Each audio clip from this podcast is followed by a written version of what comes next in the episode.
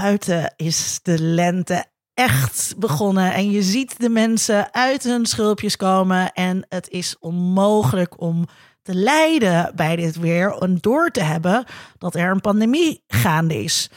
Dus zie je overal vrolijke mensen in de zon met een wijntje, blote benen. Iedereen heeft het leuk. En tegelijkertijd zijn er natuurlijk allemaal mensen die het niet leuk hebben. We zeiden het de vorige keer al. Dit is het moment waarop we steeds meer mensen gaan kennen die mensen verloren hebben aan corona. Misschien gaan we zelf ook wel mensen verliezen aan corona. En die contrasten, dat maakt het heel lastig.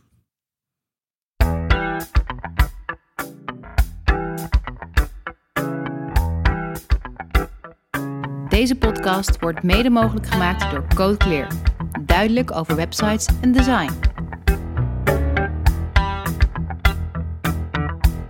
Vanuit Amsterdam is dit Onder Media Doctoren, de podcast waarin communicatiewetenschappers zich verwonderen over de media.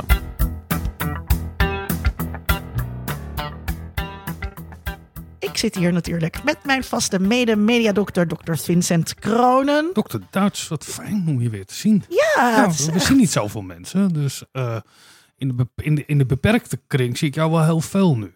ja. En trouwens, ik vind het helemaal niet zo leuk, die lente die jij net beschreef. ja, wat dan? Nou, ik heb een gierende hooikoorts, dus eh, normaal gesproken zit ik al in quarantaine als de pollen eh, door de lucht vliegen. Dus nu hebben we pollen en een virus dat Ja. zich allebei bij tracht te doden.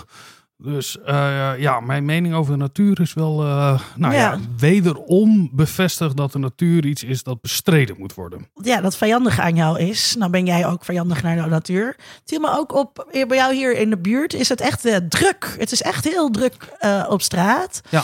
Eh, ik heb deze week veel gewandeld door de stad. En je ziet echt eh, eh, waar de rijke buurten zijn en de woonbuurten zijn. Dus in de pijp is het stervensdruk. Daar wonen gewoon heel erg veel mensen.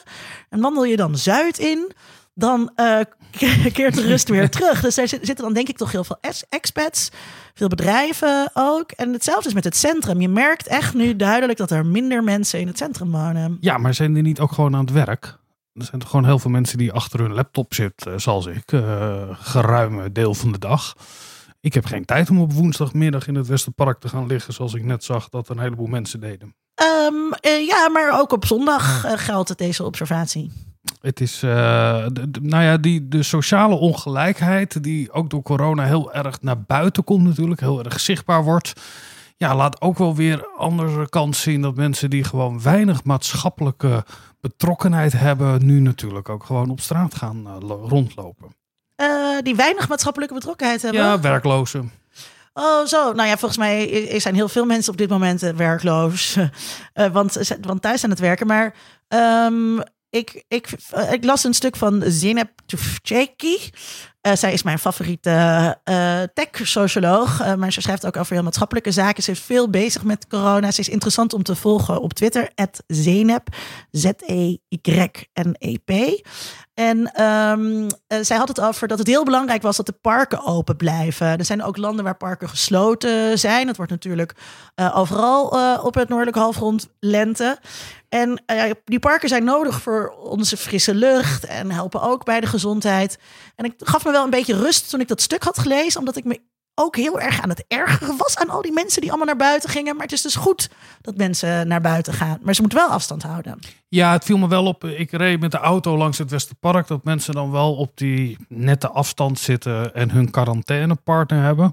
Maar ik vraag me dan af, heb je ook mensen die zeg maar quarantainepartners hebben, maar ook veel vreemd gaan? Eh, met verschillende quarantainepartners, waardoor het eigenlijk weer slechter gaat. Ja, die mensen, die mensen zijn er zeker. Eh, ik ben deze week betrokken geweest. eh, of een soort van betrokken. eh, ehm, ik, ik ben gewoon de, de, de, de, de, mascotte van eh, de Amsterdamse gay scene. En die zijn met een campagne gekomen. Nu even niet. over seksdates. eh, met heel erg dus de boodschap. Nu even niet. Ehm, en dat gaat dus ook heel erg over vertrouwen. En eh, dat zie je bij die corona-buddies ook. Ja, je moet wel iemand uitkiezen tot corona-buddy die je echt kan vertrouwen. En ehm, je, je- op het moment dat iemand meerdere corona-buddies heeft... Ja, dat is hetzelfde als meerdere partners hebben waarmee je zonder condoom sext. ehm, dat, is, dat, is, dat is niet veilig. Kan je ook een corona... Kan je, kan je het uitmaken met je corona buddy? Uh, ja, maar dat is dus dat vind ik ook wel een interessante vraag. Je kan natuurlijk uitmaken met je corona buddy en zeggen, nou, ik heb jou nu risicovol gedrag uh, uh, zien doen, dus ik vertrouw jou niet meer. Maar het is heel moeilijk om een nieuwe corona buddy te nemen. En Ja. dat is dus wel iets wat je op een gegeven moment waren de kaart geschud en dit was het. Uh, toen heb ik nog even snel jou uh, binnengesleept. Maar je kan dus nu niet zomaar iemand op een dating app ontmoeten en zeggen: Jij wordt mijn nieuwe corona buddy. Want je weet niet. Dat is ja, dat kan Nee, want niet. een van mijn Je kan niet in corona... of the moment een corona buddy aannemen. Nee, want een van mijn corona buddies, en laat ik zeggen dat ik er zo'n Ja, omgeving van, nou ja, eh, waren er zo vier, eh, drie... Af- ik ja, dacht alleen maar ik. Nee, jij, mijn geliefde. Er was nog een derde, laten we zeggen.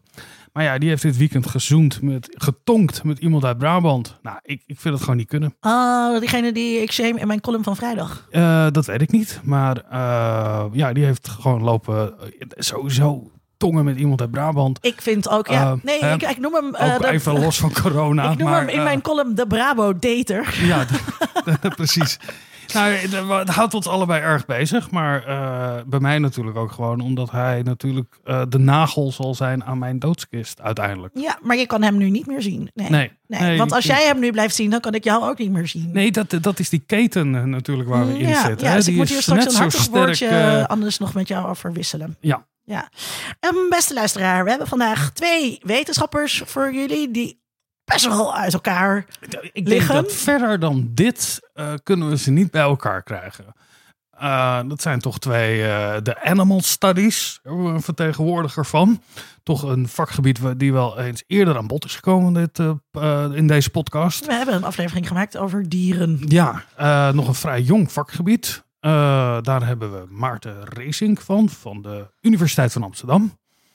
En we hebben De Utrecht Data School, dus eh, de, de Digital Humanities of ehm, Science and Technology Studies, kan je dat noemen. En daar Ja, hebben we of, eh, Mirko, Mirko Schaefer. Dr. Shaver.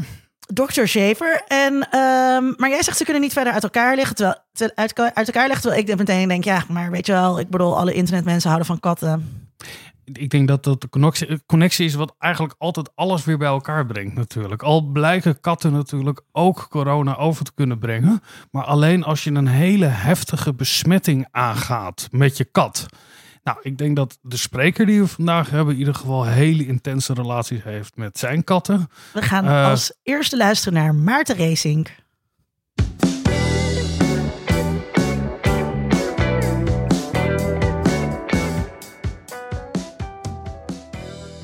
Ja, als het gaat vanuit het perspectief van mens-dierstudies, dus relaties tussen mensen en dieren, dan, ehm, dan is de crisis waar we in zitten op minstens twee eh, terreinen eh, voer, eh, voor onderzoek. De eerste is natuurlijk de oorzaak, die nu bij deze crisis in eerste instantie lijkt te liggen in de wet markets in, in, in China. waar dieren dood en levend worden, worden verhandeld om te eten. Eh, het virus lijkt oorspronkelijk afkomstig van vleermuizen en wellicht via schubdieren overgedragen naar eh, mensen daar. Eh, maar goed, dit soort markten van levende en dode dieren hebben natuurlijk ook als het gaat om de verhandeling van bushmeat in verschillende andere gebieden, met name in Afrika.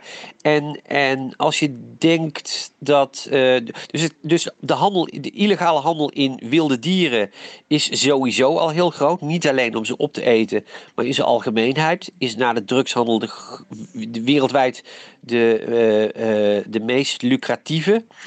Ehm, en als je dan denkt dat dat alleen maar uit eh, ontwikkelende landen komt, dan ben je natuurlijk de bio-industrie in de meer westerse landen eh, vergeten, waar de kans op dit soort van uitbraken misschien nog wel veel groter is eh, dan daar. En dat wordt keurig beschreven door, door de bekende auteur David Quammen.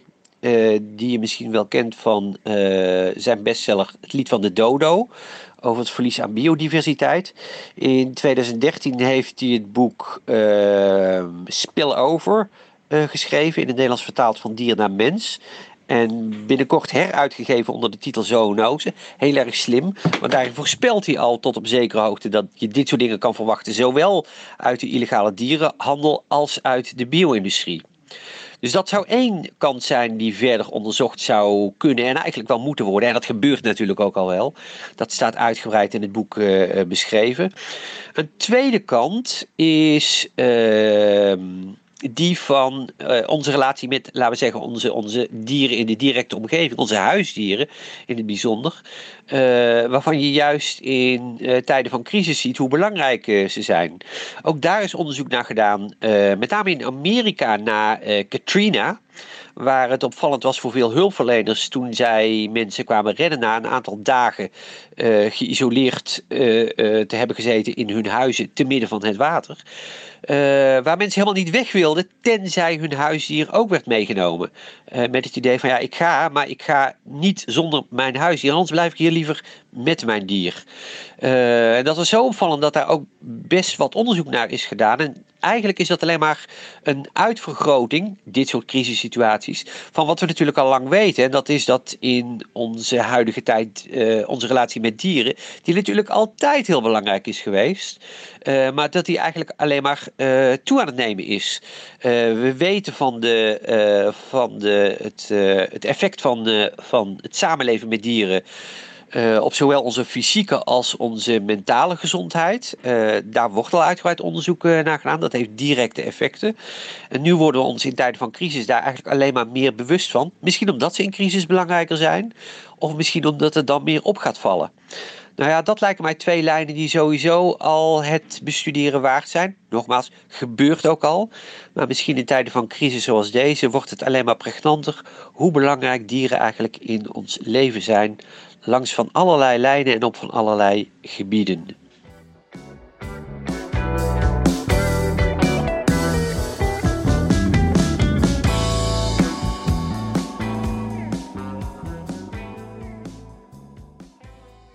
Kijk, de nabijheid. Kijk, eigenlijk waar Maarten het over heeft, is op twee manieren een, een nabijheid van de mens met het dier. In eerste instantie over die zoonose, over hoe dieren of via dieren eigenlijk zo'n virus komt, uh, waardoor wij in deze situatie terecht zijn gekomen. En dat we tegelijkertijd in zo'n crisis heel erg nabij dieren willen zijn, onze eigen huisdieren. En, Zie je maar weer dat er, dat, er een, dat er onderscheid gemaakt wordt ook tussen leuke dieren en slechte dieren. En uh, dus dat, dat um, als, als katten corona kunnen overdragen, dan gaan we ook niet massaal allemaal de katten uitmoorden. Maar dan gaan we proberen die katten te genezen. Um, maar het zal me niet verbazen als, als hè, dus die dierenmarkten waar dit, waar dit gebeurd is, die moeten allemaal dicht. En die mensen worden gezien als dierenbeulen. Uh, ja, er zijn drie categorieën. We hebben de dieren waar we mee samen willen leven. Die willen we dan niet opeten. Dan hebben we een categorie dieren waarvan we zeggen... nou, die kunnen we lekker oppeuzelen. We gaan vanavond ook gaan we een koe eten, ga ik je alvast vertellen. Lekker. En uh, dan hebben we de categorie dat andere mensen eten die. En die zijn eigenlijk natuurlijk, dat is een beetje barbaars. Hè? Dat de, bushmeat en uh, alles wat daar gegeten wordt aan schubdieren en vleermuizen. Hè, dat, dat, dat wordt zeker vanuit een westers perspectief. Ja, dat racisme dat, er, dat erin zit. Ja, dat is een soort raar exotisch, uh, on, onwel uh, levend gedrag is dat. Ja. Um, Terwijl jij die categorieën natuurlijk eigenlijk uh, totaal arbitrair, nogal, uh, arbitrair zijn. Ja, en heel erg te maken hebben met de aaibaarheid uh, van zo'n van zo'n beest. Um, en ik vind het, het lijkt mij heel leuk om, om uh, onderzoek te doen naar de betekenis die uh, huisdieren nu hebben voor, voor mensen. Dat twee, de eerste lijn, ja, dat vind ik gewoon niet zo interessant. Uh, meer vanuit, dat is ook meer vanuit een medisch-biologisch perspectief. Ja, of biologisch. Ja, terwijl ja, die tweede lijn is natuurlijk wat, wat sociologischer ingestoken. En um, um, ja, mensen zeggen dan tegen me. Uh, gelukkig heb jij Lola. Dat ook een soort zieligheidswens is. Nou, je bent niet helemaal alleen single in je stille flat. Um, um, en ik, maar ik weet, ja, en dan is het ook de vraag. Ik ben dan benieuwd als ik respondent, eens, hoor, als ik respondent in zo'n onderzoek zou zijn, zou ik dan, ben ik nu extra blij. Ik ben altijd blij dat Lola er is. Dat, ja. Het lijkt me ook heel moeilijk om daar als respondent echt goed op te reageren. Maar de reden waarom veel van dat exotische dieren worden gegeten is vaak niet omdat het uh, eiwitten moet leveren of omdat het honger moet stillen, maar omdat er allemaal geneeskrachtige waarden aan worden toegekend aan het eten daarvan. Ik weet niet of dat een exotisering is van China. Voor zover ik weet is het dus wel degelijk het geval dat uh, toen er grote honger was in China ja. ze gezegd hebben je moet alles, uh, je, je, moet het hele dier eten. Ja, iedereen die uh, kijkt op Fox met een face mooi iets over gemaakt ja. op YouTube over hoe dat in elkaar zit. Maar op dit moment wordt het met name gebruikt omdat er ook weer allemaal geneeskrachtige of dat je er juist heel erg viriel of sterk of aantrekkelijk van wordt. Dus het gaat ook wel degelijk over een culturele relatie die we hebben tot dieren. Ja, maar, en dus, maar ik, ik, dus ik zal altijd oppassen met dat dingen afschrijven. Want wij uh, doen het natuurlijk in het uh, wetenschappelijk, zogenaamd wetenschappelijke Westen, doen we dat ook heel erg. Dus uh, wij gaan ook allemaal dan uh, zeggen dat het aaien van poezen goed is tegen stress. En uh, weet je wel, je, dat, dat wordt hier natuurlijk ook allemaal gedaan. Alleen hier wordt er altijd een verlichtingssausje overheen gegoten. Terwijl bij de ander, en bij ons heet het dan wetenschappelijk aangetoond. En bij de andere heet het dan, wat zijn nou geneeskrachtige... Ja, dan wordt het als een soort folklore wordt ja, het dan vaak folklore shamanistisch nou. weggezet. Uh, terwijl bij ons is het natuurlijk ook niet allemaal aangetoond. Zeker niet, zeker niet. Ik vraag me wel af dat, stel je voor, en dat is een enorme what-if vraag, inderdaad dat virus stand zou blijven houden omdat we huisdieren hebben. Dat daarin eigenlijk het virus dan weer gaat oppoppen. Kan er een moment komen dat het gewoon voor het greater good is dat we alle huisdieren moeten eigenlijk vernietigd worden? Zou dat zou, dat zou. Wat, wat zou er gebeuren? Dat, opstand. Dat zou echt ja? tot opstand leiden. Ja, dus.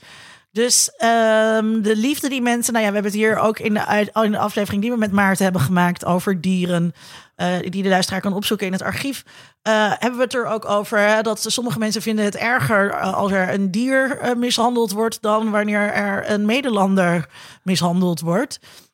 Denk aan de vele mensen van rechts op Twitter die een hond als AVA hebben.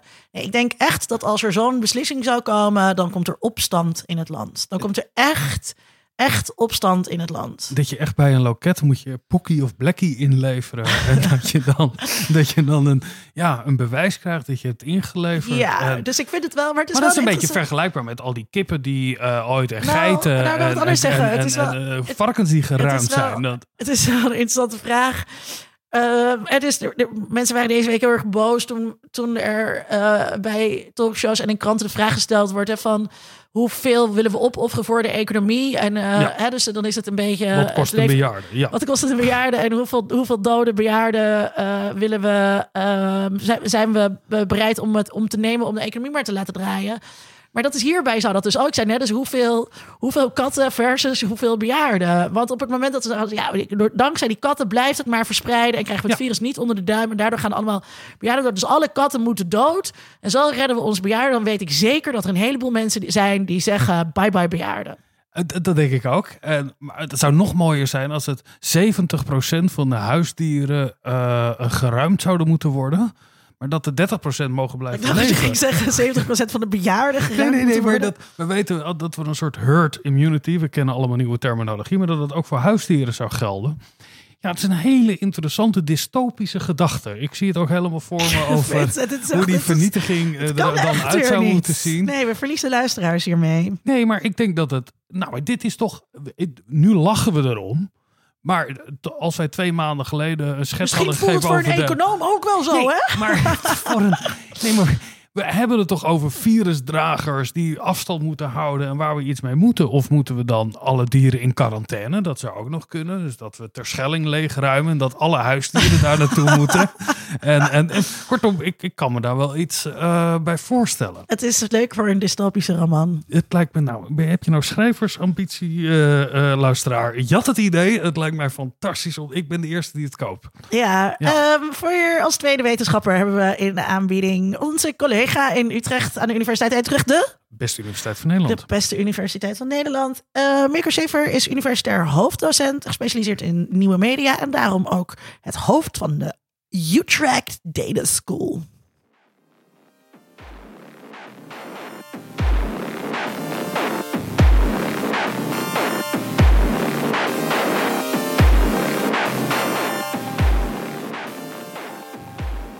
Mij viel op dat mensen ongehinderd door enige kennis gingen communiceren over corona en de verschillende aspecten van de crisis.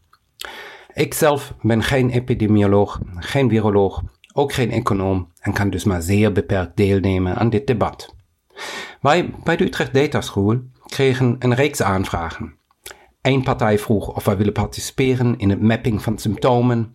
Een andere partij vroeg bijvoorbeeld of we niet onderzoek willen doen naar fake news met corona als onderwerp. Bij het eerste plaatsen we duidelijke vraagtekens of het verantwoord is dat vakvreemde personen hun specialiteit, bijvoorbeeld datavisualisatie en data-analyse, inzetten om dingen te visualiseren waarvan ze de relevantie nog de juistheid kunnen inschatten.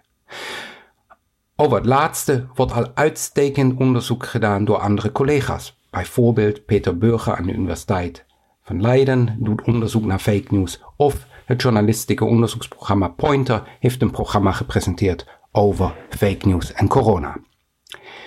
Wat mij opviel als mediawetenschapper zijn de talloze berichten met datavisualisaties van besmette personen, aantallen slachtoffers, aantallen mensen die weer genezen zijn, etc. Het lijkt me een obsessie van mediaconsumenten om deze grafieken te raadplegen, vooral gezien de beperkte informatiewaarde die deze grafieken tonen. Wat doen de mensen nou met de kennis van dat we midden in een exponentiële groei van coronagevallen zitten en dat dit in andere landen om ons heen vergelijkbaar is? Meer dan thuisblijven en social distancing oefenen kunnen deze mensen toch ook niet doen. Voor mediawetenschappers is dit geen onbekend fenomeen. Onderzoek uit de jaren 70 toonde al aan dat mensen meer als ritueel naar het journaal kijken en achteraf vaak vergeten zijn wat ze net gezien en gehoord hebben. Het gaat dus meer om een ritueel. Dus, uh, de wereld bestaat nog omdat ik kan kijken naar grafieken die de wereld representeren, meer in die trant. Gelukkig is dit niet mijn onderzoeksgebied in de mediawetenschap. Niets vind ik minder boeiend dan de vraag waarom mensen populaire mediacontent tot zich nemen. Ik ben zelf geen voorstander van de fast science die in crisistijden ook mediawetenschappers te pakken krijgt. We zagen het al jaren terug tijdens de zogenaamde Arabische lente, hoe in geen geringe mate door mediawetenschappers verkeerde conclusies werden getrokken uit de opstanden in het Midden-Oosten. Het leidde in de first response van mediawetenschappers en journalisten tot een volledig misplaatste en niet correcte overwaardering van social media als causale oorzaak voor de democratiebeweging. Twee weken geleden zag ik een call for papers langskomen voor een conferentie over media en corona. Op Twitter promote een collega de call for papers met de woorden Turn those Twitter rants into papers. Nou, ik vrees dat we achteraf zullen zien dat, en ik citeer Yevgeny Morozov, het beter was geweest als veel van deze papers tweets waren gebleven. Met oog op de persconferentie van afgelopen dinsdag viel me op hoe technologie als een oplossing voor sociale en politieke vraagstukken wordt beschouwd. Dat is een terugkerend fenomeen in de geschiedenis van technologie, met name mediatechnologie. In de persconferentie vertoonden minister-president Mark Rutte en minister Hugo de Jong een schoolvoorbeeld van technocratisch beleid zonder kennis van technologie. Niet dat ik beweer dat een app niet ook nuttig zou kunnen zijn in het beperken van de verspreiding van het virus.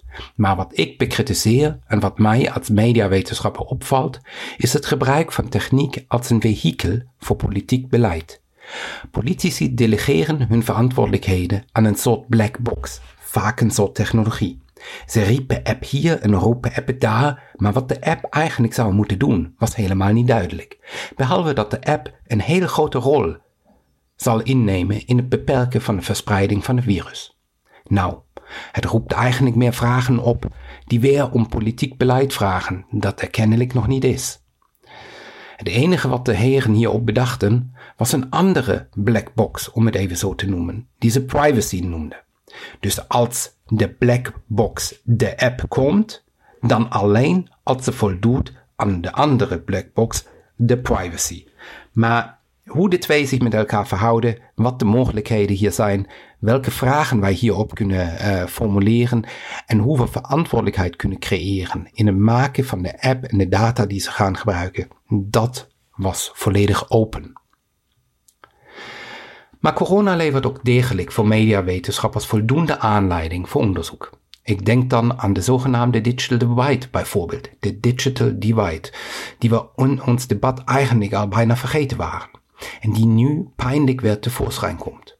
Hij manifesteert zich in socio-demografische groepen die over minder digitale vaardigheden en computerapparatuur beschikken. Hun kinderen zijn nu de dupe van een samenleving die massaal aan onderwijs op afstand doet. Over regio's, en dan denk ik met name aan het platteland in Oost-Duitsland, waar de internetvoorzieningen absoluut geen vanzelfsprekendheid zijn, zoals bij ons in de Randstad. Of neem nou de term Computer Mediated Communication, ontzettend populair in de jaren 90 en de vroege 2000 jaren in de mediawetenschap. Maar nu pas toont zich hoe compatibel onze dagelijkse praktijken ervoor zijn. Dus corona toont ons ook in welke mate digitalisering is ontwikkeld in de verschillende landen en in hoeverre wij onze economische activiteiten kunnen uitvoeren op afstand. Bij de Utrecht Data School zijn we met name geïnteresseerd hoe datapraktijken ons begrip van democratie en burgerschap raken en veranderen. Waar deze onderzoeksagenda door corona geraakt wordt, daar zullen ook wij ons interesse op richten en van alles andere proberen we heel ver weg te blijven. Dus we zullen zeker kritisch kijken naar de datapraktijken die overheden willen introduceren in context van het virus. We hebben zeker ook belangstelling voor de talloze datavisualisaties en hoe deze de interpretatie van data sturen.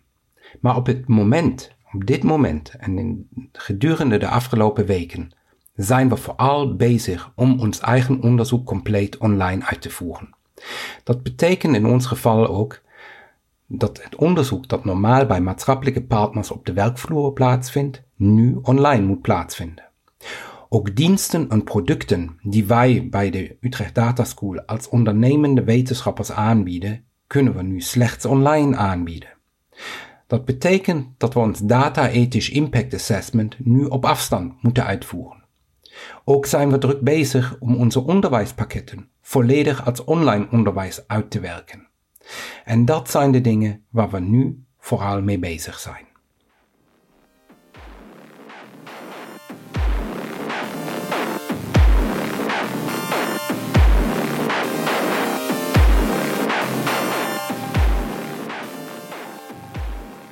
Ja, super leuk. Um, bij Mirko. Dankjewel, Mirko. Dankjewel, Mirko. We benaderden Mirko en toen uh, en we legden hem natuurlijk de vraag voor die we altijd voorleggen.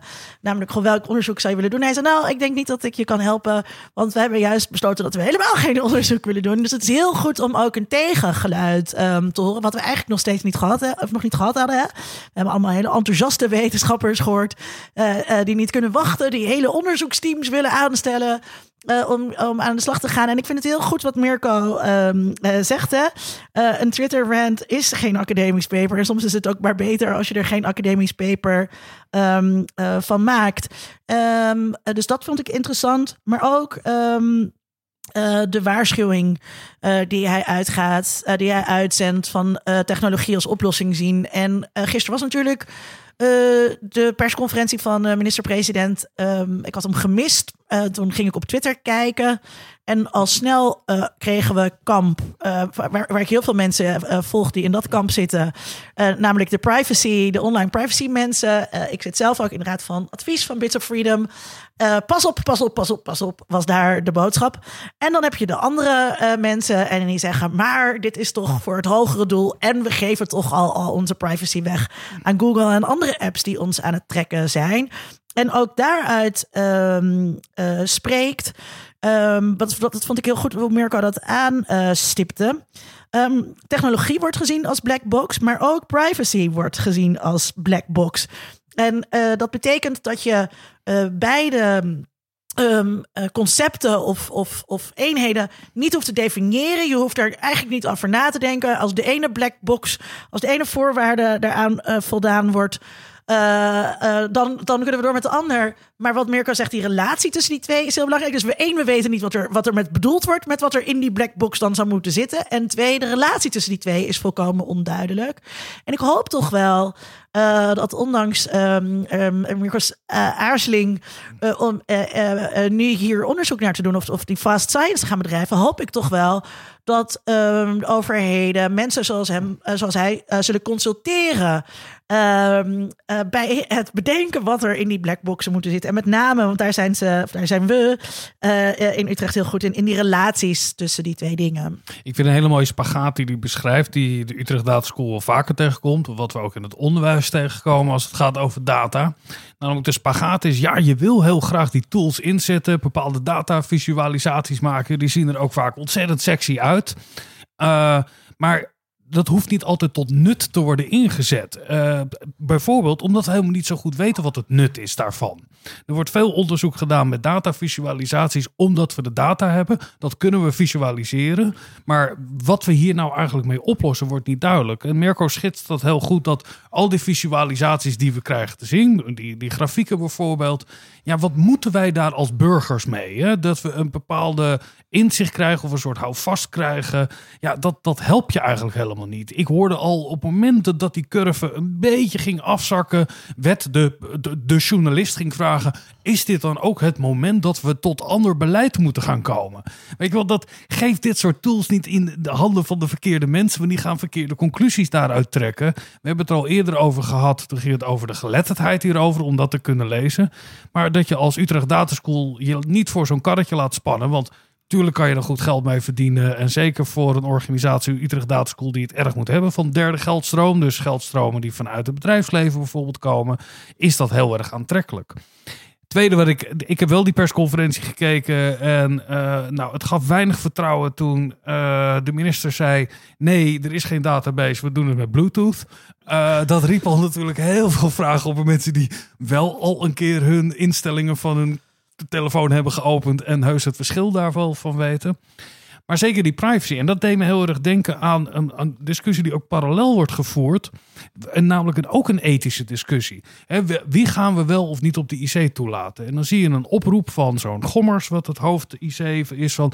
we willen dat debat voeren, maar dat moet wel deze week. En volgende week willen we een antwoord erop. Dat kan niet. Ethische discussies kunnen we niet in een snelkookpan in een week gaan voeren. En wat ik, wat ik... Neem maar even mijn punt afmaken. Dat, dat kunnen we ook niet over privacy. We kunnen niet zo'n app introduceren met een brede discussie... met alle inzichten die erover zijn... over hoe we dat kunnen invoeren. En mijn zorg is niet zozeer dat je zo'n app nu invoert. En misschien helpt dat wel, misschien zou dat wel. Uh, maar wat doe je in een samenleving waar je ooit zo'n app hebt ingevoerd en daar is een nut aan toegekend? Dan komt er ook weer een volgende app voor een ander nut, wat op dat moment voor de beleidsmakers van belang is. En dat is eigenlijk mijn grootste zorg. Nou, ik, uh, wat ik toen ook heb gezegd toen we in deze podcast het hadden over die medisch-ethische overwegingen en de triage uh, die, er, die er plaatsvindt.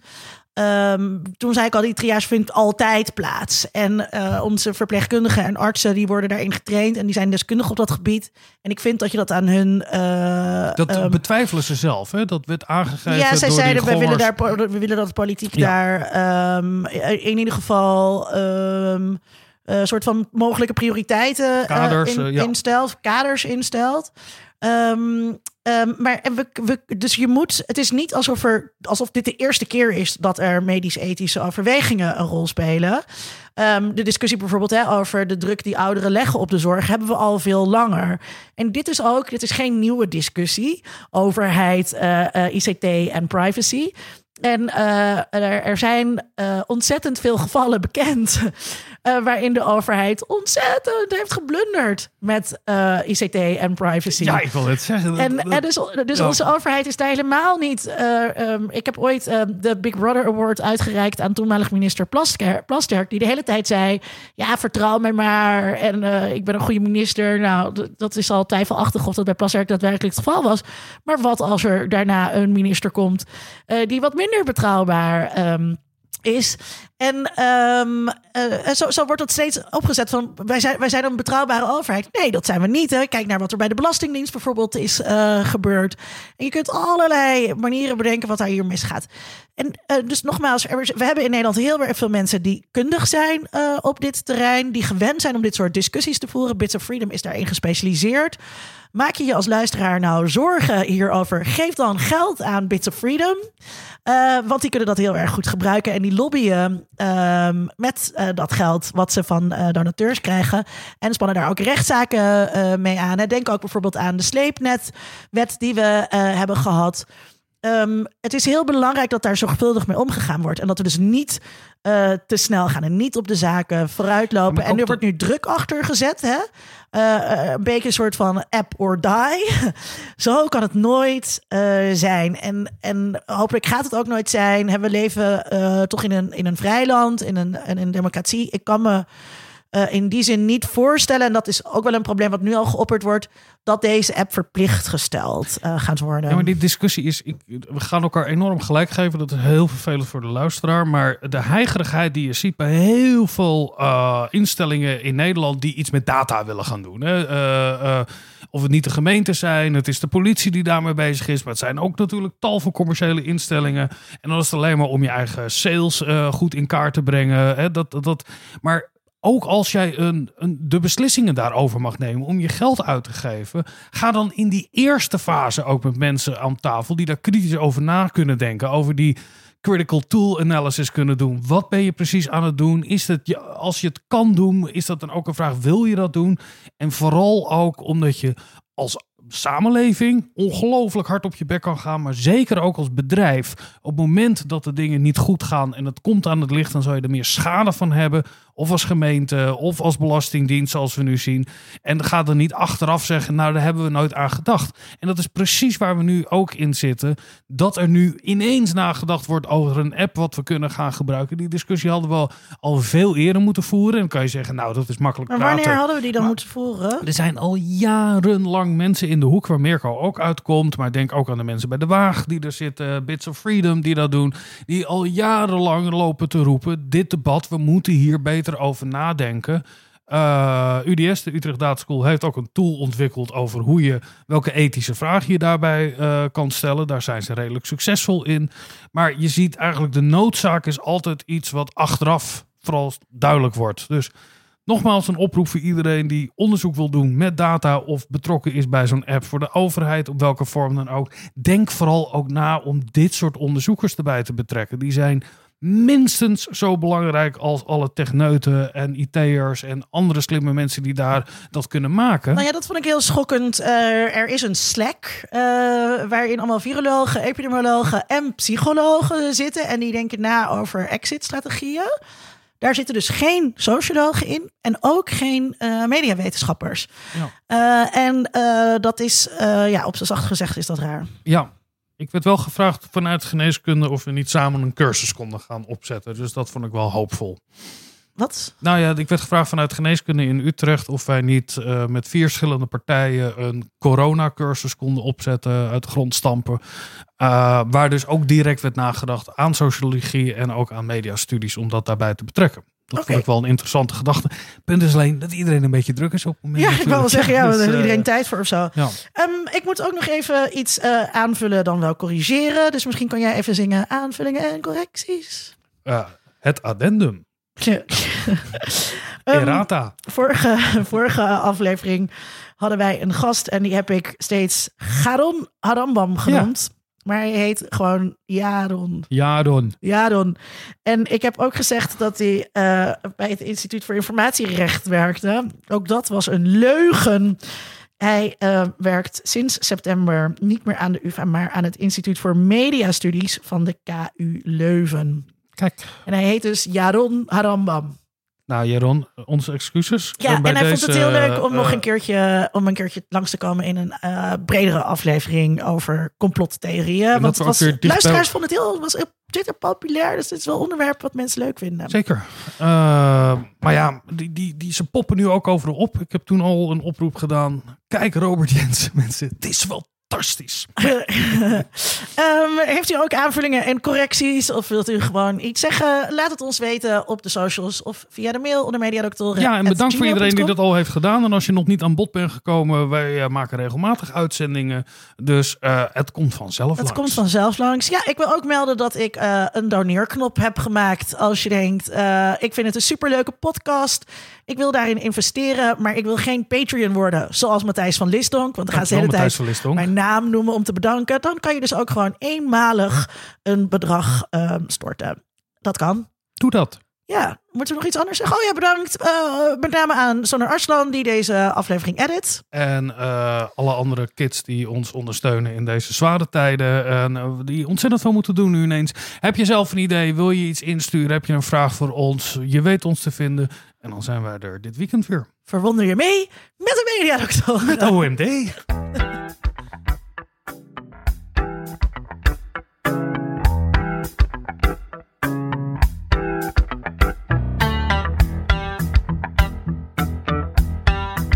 Onder Mediadoktoren is een podcast van Vincent Kronen en Linda Duits. Meer informatie vindt u op ondermediadoktoren.nl.